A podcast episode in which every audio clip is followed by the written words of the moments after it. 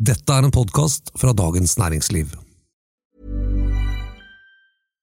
One size fits all seemed like a good idea for clothes Nice dress. Uh, it's a it's a t-shirt. until you tried it on. Same goes for your healthcare.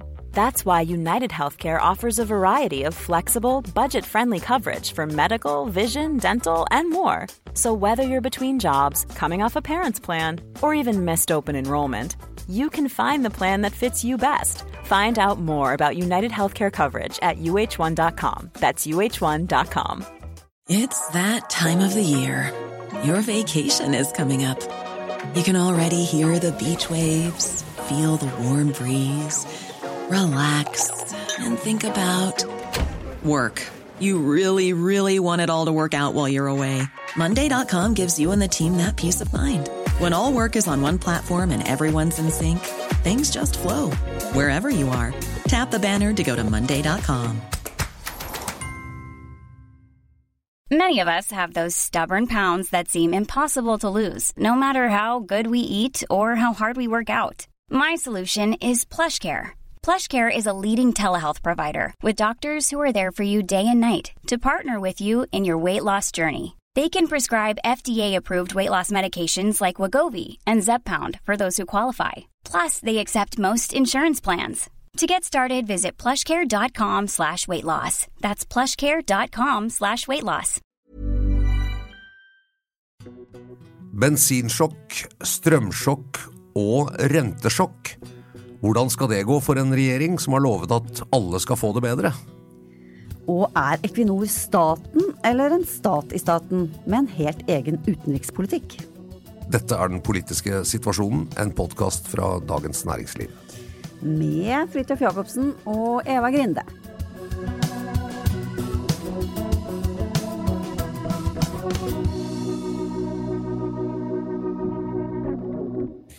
God dag. God dag. Vi lever i en eh, veldig vanskelig tid, kan vi vel si, Eva Grinde. Ja, vi gjør det. Det er veldig mye på en gang. Og så tror jeg det er liksom ekstra spennende å lage budsjett for 2023 akkurat nå. Ja, Hvis vi skal rett inn på politikken, for det skal vi jo. Det er politikk dette handler om. altså det i det hele tatt å lage budsjett for neste år, når man ikke aner hvordan neste år blir Altså Hvis vi skal være helt eh, dystopiske, så, så er det jo ikke sikkert verden eksisterer engang. Ja, nei, så 2023. dystopiske skal vi ikke Nei, være. Fridtjof. Nei, Nei, jeg men- er et barn av den kalde krigen, så det Ja. skal vi ikke. Nei, så vi holder hodet kaldt. Eh, nå ble det litt eh, fleipete, men det, men det er, tror jeg fordi vi skal, det vi skal inn på er så stort. Altså, eh, eh, våre kolleger, bl.a. eh, Terje Erikstad og, de andre veldig skarpe økonomene som vi jobber sammen med i, i Dagens Næringsliv, har jo pekt på at verden er selvfølgelig ganske rammet både av pandemiens senvirkninger og få i gang økonomien, men, og av høy olje- og gasspris, som også bremser litt i økonomi, og nå av krigen i Ukraina. Eh, Så er, der ser det ganske dystert ut på en del av, av eh, liksom de økonomiske indikatorene. Men i Norge så går det så det suser. Ja, det gjør jo det. Fordi um, vi er annerledeslandet nok en gang. Tjener eh, en veldig, veldig masse penger på økte olje- og gasspriser. Fordi Europa vil prøve å ikke være avhengig av Russland og ja, i det hele tatt. Stor etterspørsel, høy ø, oljepris, og vi produserer alt hva remmer og tøy kan holde. Ja, lav arbeidsløshet. Ja, så har vi kommet oss godt ut av pandemien sammenlignet med de aller fleste andre land. Eh, Det går veldig bra med norsk økonomi. Ja, som du sier, høy sysselsetting.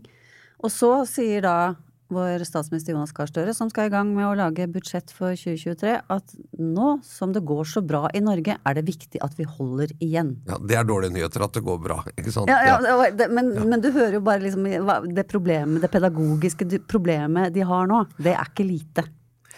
Eh, Og rundt budsjettkonferansen i mars, hvor liksom rammene for budsjettet, pengebruk og sånn ofte blir lagt, eh, og så er det litt mer snakk om fortsatt en del sånn fight om hvem som skal få, hvem som skal ikke få, sånn internt i regjeringen, men de store tingene i mars. En brutal øvelse, sier alle politikere som har vært med på det, hvor Statsrådene må komme uten embetsverk, uten noen ting, komme for seg selv, men Finansdepartementet stiller liksom med hele balletten med, med folk som har dobbel strikk på lommeboken eh, og kun nedre liksom, nedtur i blikket. Eh, og det er jo ikke så uvanlig rundt den tiden, plutselig slo det meg at det er da er det inn for politiske ledere å uttrykke bekymring. Ikke sant? Vi må ikke bruke så mye penger, vi må stramme litt på livreima, vi må huske på fremtiden osv. Eh, så var det parkert et par år under pandemien, eh, men med Erna Solberg som var det, regjering så var det litt sånn ja, det sa de en gang i året, og så brukte de veldig mye penger etterpå. Så, så etter hvert så hørte vi vel ikke helt at de sa det, for vi, vi så på hva de gjorde. Men nå er det jo en ny regjering. Det er det.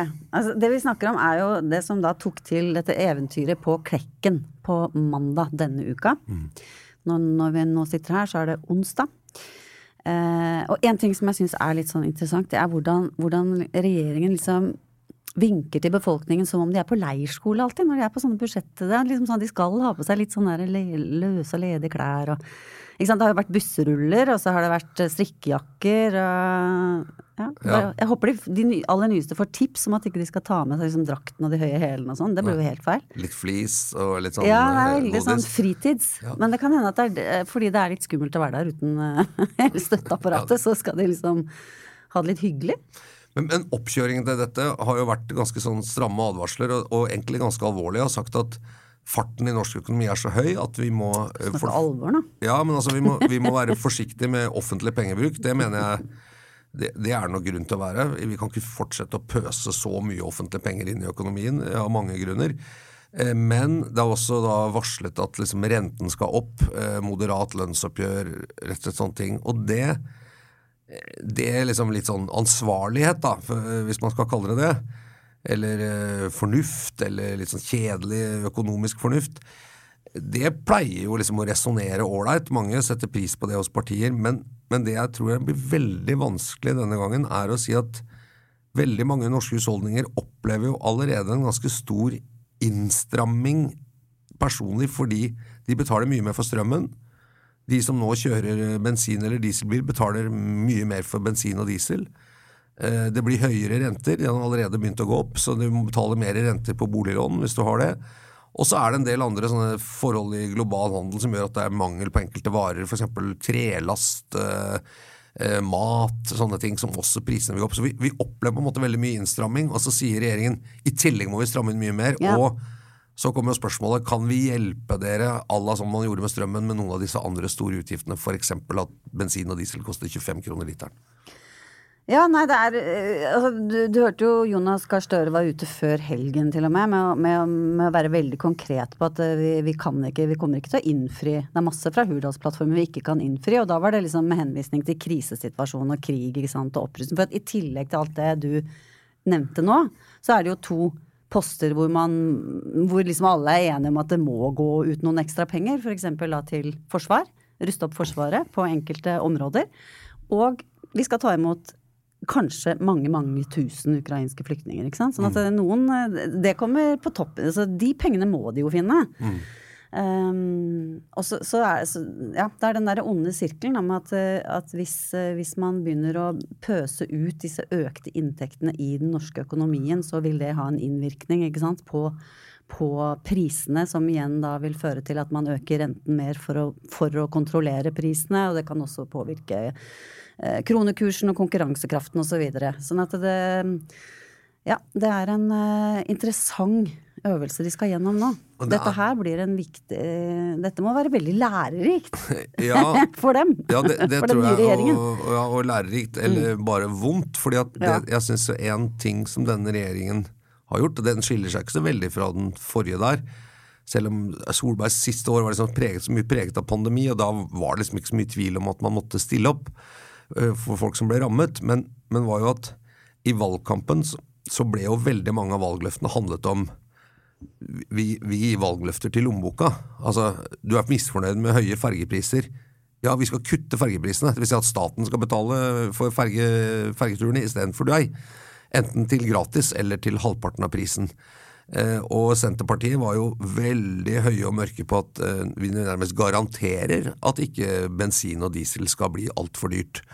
Eh, og da, og så, da, var den på 17 eller noe sånt? Ja, ikke sant. Mm. Og, så, og når strømkrisen kom, så, så, begynte de jo med å si at ja, vi gir noen få lettelser i elavgiften, men de, men de skjønte jo ganske fort at her må vi bare pøse på med statlige penger for å beskytte folk mot de veldig høye strømregningene.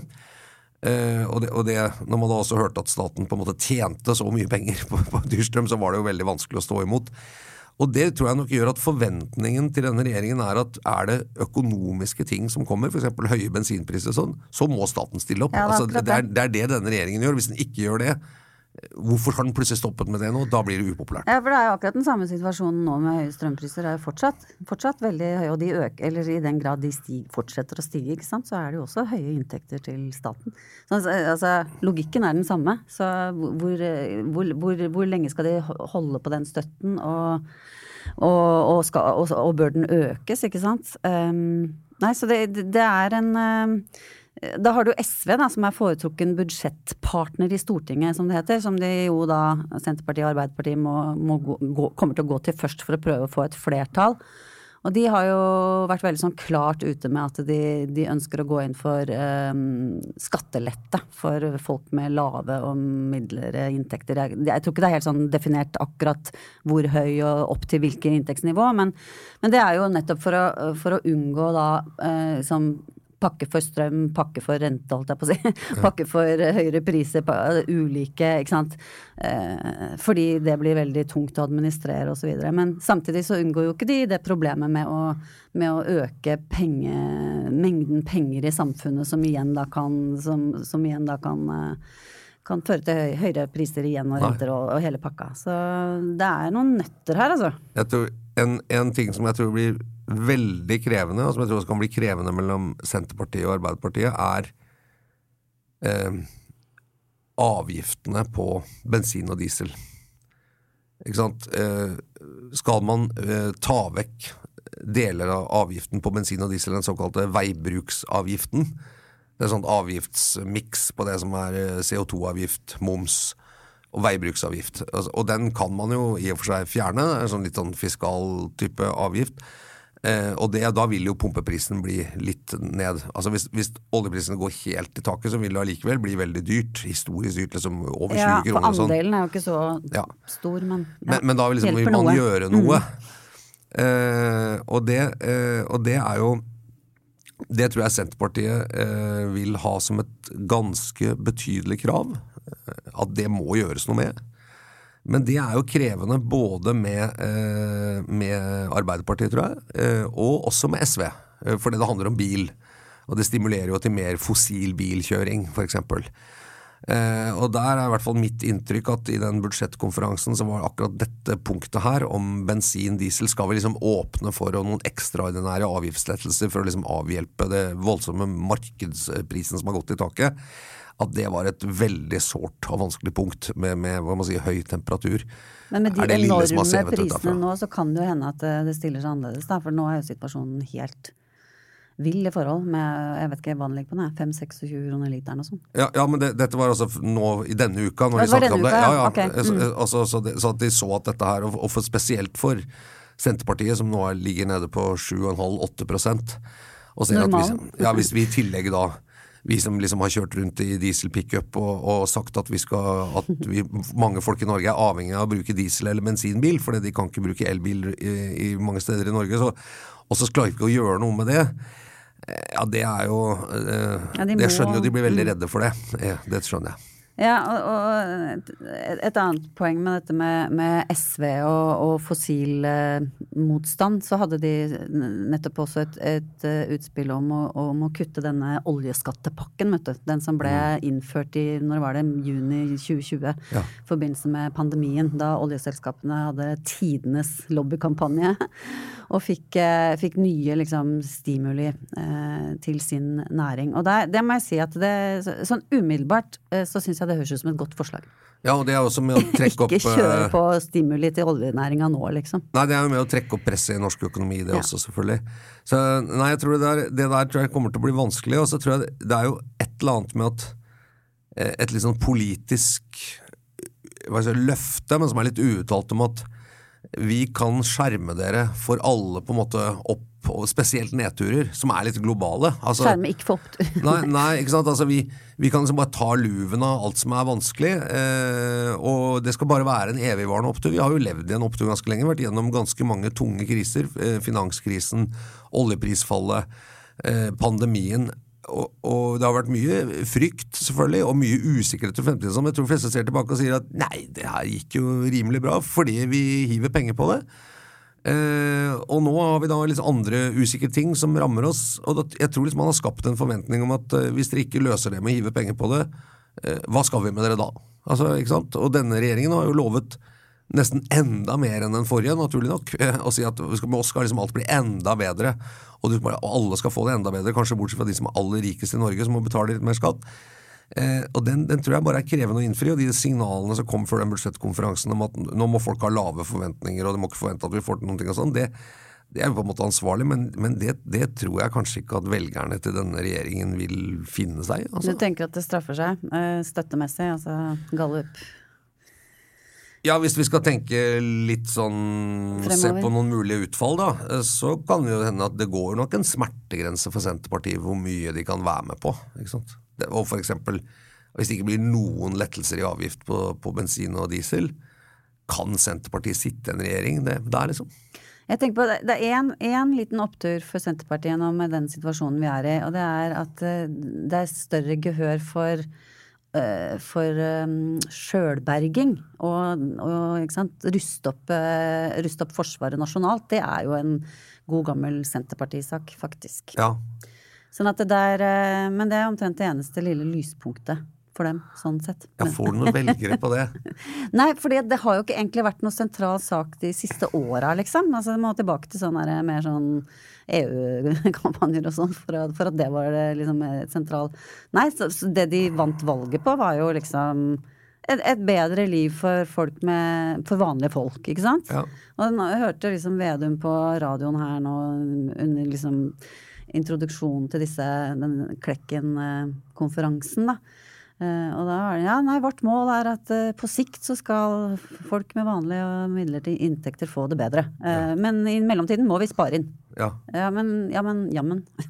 Jeg tror det blir krevende. Det er litt som det skatteforslaget til SV som jeg tenker sånn Mitt inntrykk er at det, at det er ikke så mange i Norge, bortsett, bortsett fra de som har veldig mye penger, som, som eh, raser veldig på skatt, hvis du skjønner. Så om du får litt lavere skatt, det blir liksom solgt inn veldig mye det, Men det, det sånn, ja, det blir trukket litt mindre skatt på lønnsseddelen din uh, hver, hver måned. Jeg er ikke helt sikker på om det merkes så veldig godt. I hvert fall ikke på den måten at du liksom er veldig sånn åh, takknemlig. Altså, det utløser en følelse. Men det å fylle bilen og så For et halvt år siden så kosta det 800 kroner å fylle den tanken. Nå betaler jeg 12 eller 1300, og de tallene liksom langs veien 25 kroner. Det er sånn som gjør folk forbanna, ikke sant? Lettere å se det, kanskje, ja. Sånn helt konkret. Jeg tror det er mer rage på det enn det, er liksom er, på, enn det liksom er glede på at du får litt skattelette. Jeg tror ikke du jeg ser så greia sånn Ja, men når du ser fyller den tanken, da må du huske at du betalte bitte litt mindre skatt. Jeg tror, ikke, jeg tror ikke vi er koblet på den måten, da. Det er sånn, det er, det er ikke noe sånn rasling i gule vester og sånn foreløpig, eh, syns jeg. Altså eh, lite protester, eh, i hvert fall som jeg har eh, sånn folkelige protester mot disse høye bensinprisene. Ja, det er vel sikkert mye på Facebook. Som er liksom en gul gått- vest på Facebook. Det er, vel Norge- mulig gått meg hus forbi. Ja. Men, men, det, men det, det må jo komme. Altså, jeg, tror, jeg tror ikke man tåler sånne priser som dette er veldig lenge uten at det liksom blir en eller annen type veldig kraftig protest. Nei, jeg tror heller ikke det. Og, det, og så er det jo sant, krevende, fordi at med høye olje- og gasspriser som, som jo bremser økonomien i verden, så, så er jo det Det er så store inntekter til norske staten. Og så store ekstrainntekter. Ikke sant? At, at du vil alltid kunne liksom peke på, akkurat som man kunne på strømmen, så si at å ja, nå er det vanskelig med strøm, og alle har det vanskelig og sånn. Det er bare noen som ikke har det vanskelig, og det er de offentlig eide energiselskapene som håver inn penger. Pluss at på toppen av det så kommer det merverdiavgift, som er beregna så den også håver inn. Så, så liksom gevinsten for staten er så enormt stor. Så jeg, jeg kan komme i en sånn situasjon hvor vanlige folk på en måte opplever at de har for dårligere råd, mens vi ser at staten er kjemperik og har store inntekter. Og da, ikke sant, da vil det skje et eller annet, da, tror jeg. Det å sponse eh, Mulig jeg er på litt tynn is her, da, men det å sponse eh, bensin- og dieselpriser med disse pengene, disse økte inntektene, det vil jo ikke nødvendigvis overopphete økonomien. Hva du tror. Nei, det, det Hvis du spør økonomen i Finansdepartementet, så vil de helt sikkert si at de Ja, gjør det, det. de sier bare ja til nei, Ja. sånn nei til alt. Men, men jeg mener eh, fordi de vil jo bare da kjøre like mye bil som de ville gjort hvis det var normale priser, da. Altså det vil ikke øke aktiviteten nødvendigvis. Altså det er mulig at veldig høye priser vil redusere aktiviteten i den forstand at man kjører litt mindre bil, og da kanskje kjører litt mindre til butikker og handler litt mindre videre. Men øh, nei, Ja, vet det kan vel akselerere salget av, av elbiler. Man ser at det blir så mye dyrere å kjøre fossil, altså både på innkjøp og, og, og bruk, at, at eh, som allerede skjer, altså hvor nybilsalget nå er Altså er- elbiler dominerer totalt, også utenfor Oslo. Da. Ja, sånn rent kynisk klimamessig så er det jo bare tipp topp at det er superhøye priser. Men, men nå snakker vi om at, at folk ikke får hverdagen sin til å gå rundt, og at Vedum har lovt dem at det skal han få til. Så ja. hvordan skal han gjøre det? Det Ja. er liksom det som er det mer akutte. Ja, det er litt det. Ja, det jeg tror det der er krevende. Jeg tror det er en veldig vanskelig pedagogisk øvelse også. Eh, og, det, og hvordan de løser den, det tror jeg det kan egentlig ha, kan få ganske sånn store konsekvenser for om denne regjeringen holder sammen, f.eks. Uh, og jeg, hvis du skal følge med, da, så tror jeg man bare ha et stivt øye på ordleggingen om bensin- og dieselavgifter. Altså, for at, uh, der kan det ligge en skikkelig beinhard kamp, og den vil nok bli ført med en del uh, ulike midler, for å si det sånn, tror jeg. Fra, fra, fra Senterpartiet og Arbeiderpartiet, vil jeg tro. Det er ikke sikkert i Arbeiderpartiet at de er helt enige med seg selv heller der. Kan jo være en, en viss sånn litt ulikt hvor i landet du er, og hvilke velgere du som henvender seg til deg ikke sant. Men du, sånn tankeeksperiment, hvordan tror du Vedum hadde oppført seg i opposisjonen, da? Han har hatt mye å ta tak i. Ja, altså bensinpriser på 25 kroner literen eh, med Vedum, det ville vært en grei sak for Vedum i opposisjon, tror jeg. Sånn. Spesielt hvis Frp hadde sittet i regjering, så tror jeg det ville vært eh, det vil, Men nesten uansett så ville det vært en god sak, ja. Det kan vi vel si. Eh, flere gode saker håper vi det også kommer i den politiske situasjonen etter en liten pause. Selling a little or a lot? Shopify helps you do your thing however you cha-ching. Shopify is the global commerce platform that helps you sell at every stage of your business. From the launch your online shop stage to the first real life store stage, all the way to the did we just hit a million orders stage. Shopify is there to help you grow. Shopify helps you turn browsers into buyers with the internet's best converting checkout. 36% better on average compared to other leading commerce platforms because businesses that grow grow with Shopify. Get a $1 per month trial period at shopify.com/work. slash work. shopify.com/work. slash work. When you're ready to pop the question, the last thing you want to do is second guess the ring. At Bluenile.com, you can design a one of a kind ring with the ease and convenience of shopping online. Choose your diamond and setting. When you find the one, you'll get it delivered right to your door. Go to Bluenile.com and use promo code LISTEN to get $50 off your purchase of $500 or more. That's code LISTEN at Bluenile.com for $50 off your purchase. Bluenile.com code LISTEN. Planning for your next trip? Elevate your travel style with Quince. Quince has all the jet setting essentials you'll want for your next getaway, like European linen, premium luggage options, buttery soft Italian leather bags, and so much more. And it's all priced at 50 to 80% less than similar brands. Plus, Quince only works with factories that use safe and ethical manufacturing practices. Pack your bags with high-quality essentials you'll be wearing for vacations to come with Quince. Go to quince.com slash trip for free shipping and 365-day returns. Ja, fordi eh, observante lyttere og DN-lesere eh, har sikkert fått med seg eh, den store saken vi hadde i helgen om Equinor og den juridiske direktøren Hans Henrik Klaumann, som eh, mistet sin Altså han er fortsatt ansatt i Equinor, men han mistet sin posisjon som juridisk direktør og ansvarlig for det som heter compliance. Eh, og dette skjedde direkte sammenheng, men- det var jo et sammenfall i tid i hvert fall, med at Equinor var i ferd med å gå inn i avtaler i Aserbajdsjan, som er styrt av en diktator som heter Aliyev, en diktatorfamilie, og en avtale i Russland litt senere. Eh, og så er det kommet opp Den saken har mange fasetter. Eh, han ble satt under granskning, hvordan bruker man det, osv. Men, men det var også et snakk om et eh, hvordan, hvordan håndterer egentlig Equinor risiko, og særlig sånn moderne risiko, altså omdømmerisiko, politisk risiko, korrupsjonsrisiko osv. Eh, så vi kan begynne med det. Hva, når du har sett på saken, hva, hva er ditt inntrykk av hvordan dette ble håndtert? Nei, det som ikke Eller det som er et åpent spørsmål, er jo ja, det er litt komplisert. Men eh, i 2019 så ble altså denne Klaumann eh, satt under privat gransking, og det var for et annet forhold. For noe, altså han, han, var, han, var, engasjert i, i, Equinors kunstsamlinger, og der kom det noen varsler på han. Eh, samtidig så sier jo han at han fikk beskjed fra sin eh, Altså Klaumann sier, det er hans eh, påstand, at Eldar Sætre, som var da toppsjef i Equinor, eh, sa til han at han, begynte, at han, at han syntes det var så slitsomt med at Klaumann eh, advarte så fælt om risiko, særlig da knyttet til noen utenlandsprosjekter i som du nevnte, i eh, klare diktaturer. Vanskelige land å jobbe i. Ja. Um, Ledelsen, det må vi bare understreke, i Equinor har hele tiden understreket at disse to sakene har ingenting med hverandre å gjøre. Men faktum var at Klaumann ble fratatt sin rolle da som både som juridisk direktør og ansvarlig for compliance. Og compliance, det betyr jo etterlevelse.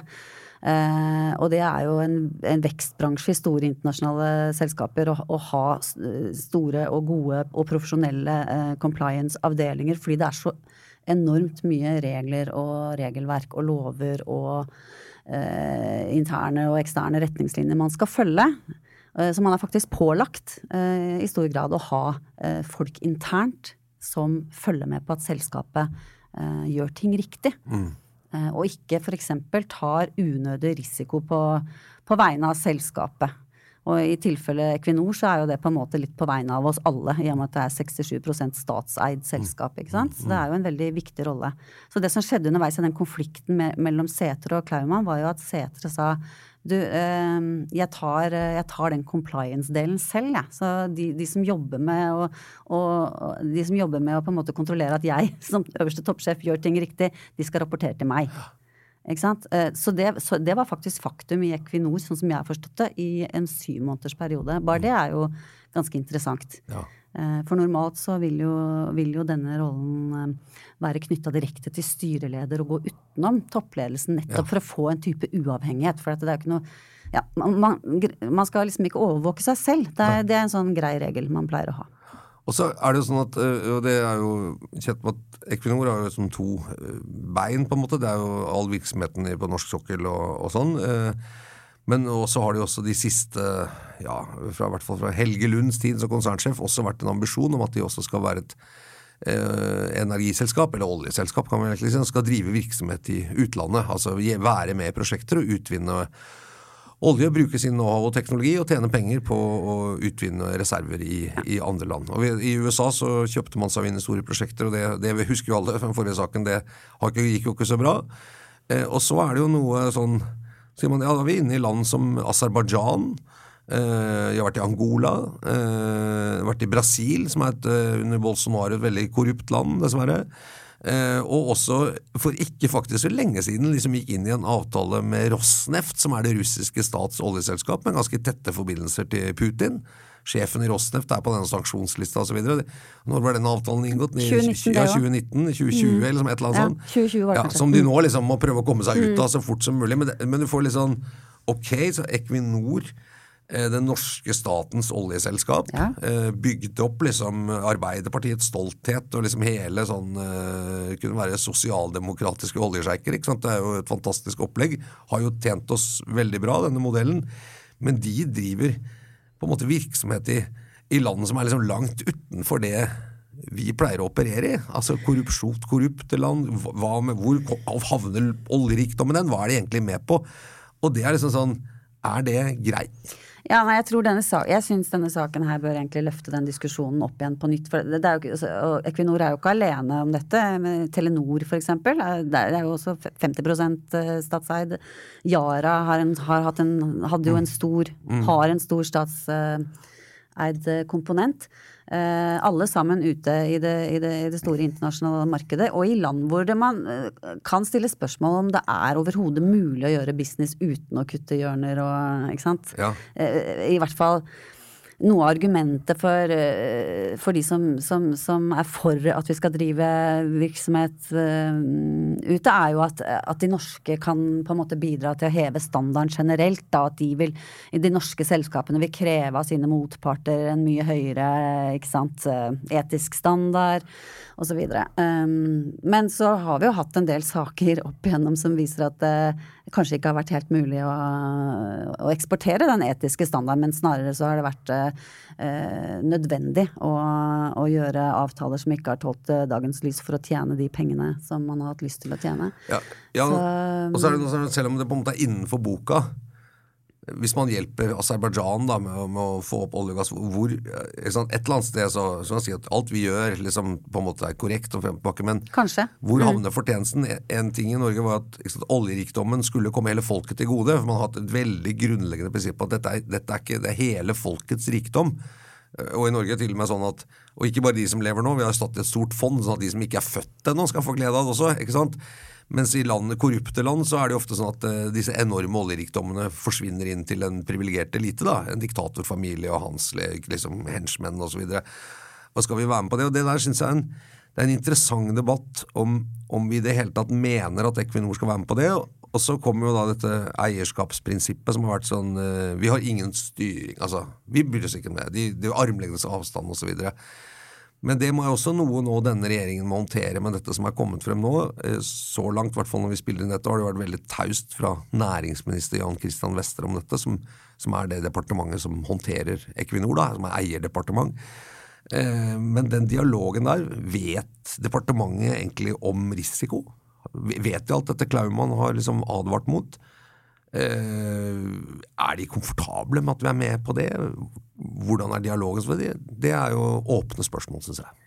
Ja, jeg er litt overrasket over Vestres eh, svar, eller kanskje ikke så overrasket, men jeg syns i hvert fall ikke de er helt gode nok, da. Eh, for først så var det, var det, at han ikke ville uttale seg i det hele tatt, og så, har det kommet noen litt mer detaljer om at det står sånn, I henhold til eierstyring osv. I prinsippene så blander ikke vi oss inn i personalspørsmål, personalsaksspørsmål. Så han trekker rett og slett P-kortet i denne saken her. Og det, mm. det er jo sånn klassisk eh, enkel måte å komme seg ut av det på. Istedenfor Han kunne eh, i det minste ut fra den saken og det faktum i saken som vi legger fram i den dokumentaren, så, så er det grunn til å stille spørsmål med hvorfor Kleiman ble fratatt sine oppgaver. Det, så langt må man kunne si. Og det, det, det, det syns jeg næringsministeren også burde Altså, det hadde vært et minimum, tenker jeg, å, å, be om en forklaring fra Equinor. Og det ser jeg jo at det er en del stortingspolitikere som har bedt eh, næringsministeren om å gjøre òg. Ja.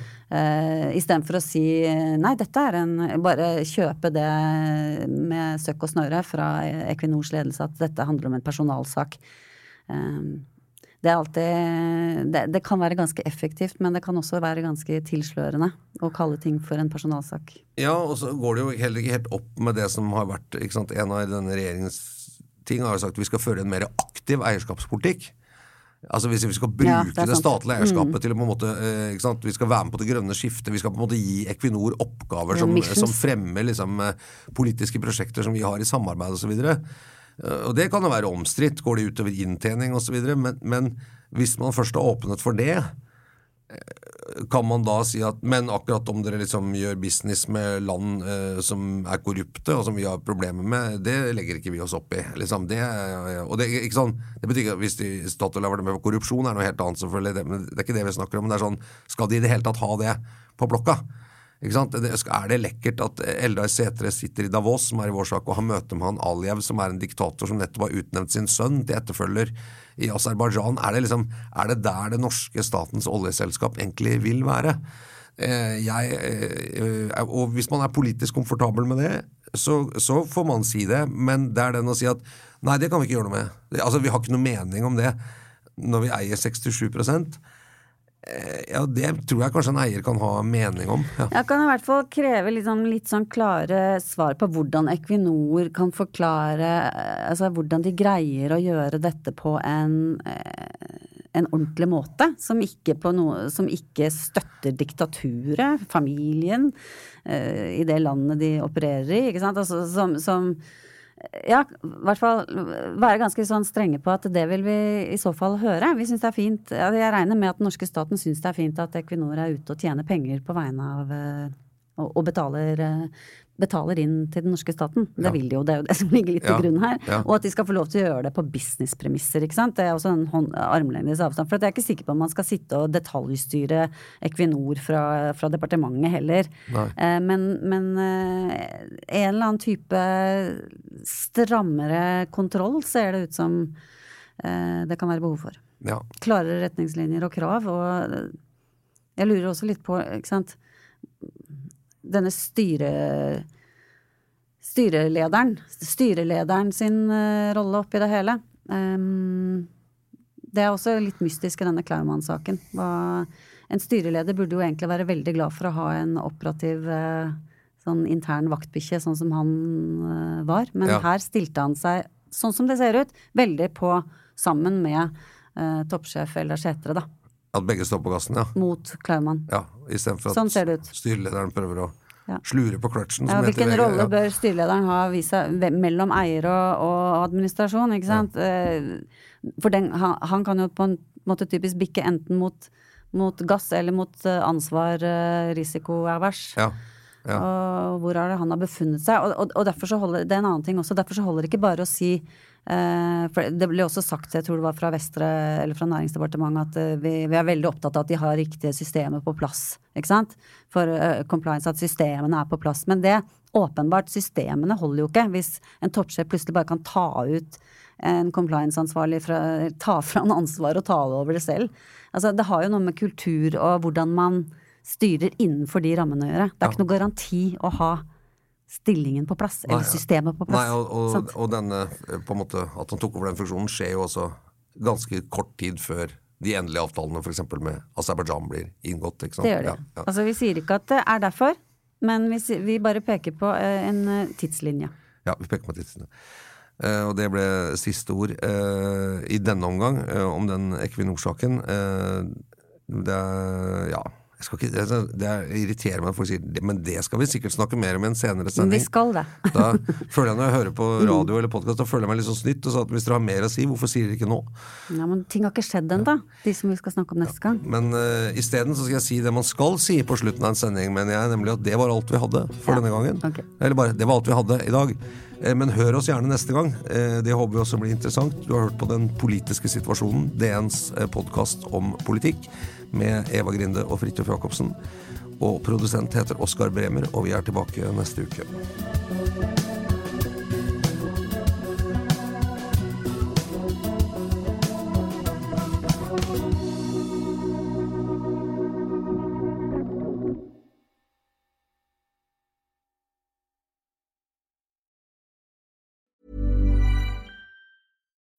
When you need mealtime inspiration, it's worth shopping Kroger, where you'll find over 30,000 mouthwatering choices that excite your inner foodie. And no matter what tasty choice you make, you'll enjoy our everyday low prices, plus extra ways to save, like digital coupons worth over $600 each week. You can also save up to $1 off per gallon at the pump with fuel points. More savings and more inspiring flavors make shopping Kroger worth it every time. Kroger, fresh for everyone. Fuel restrictions apply.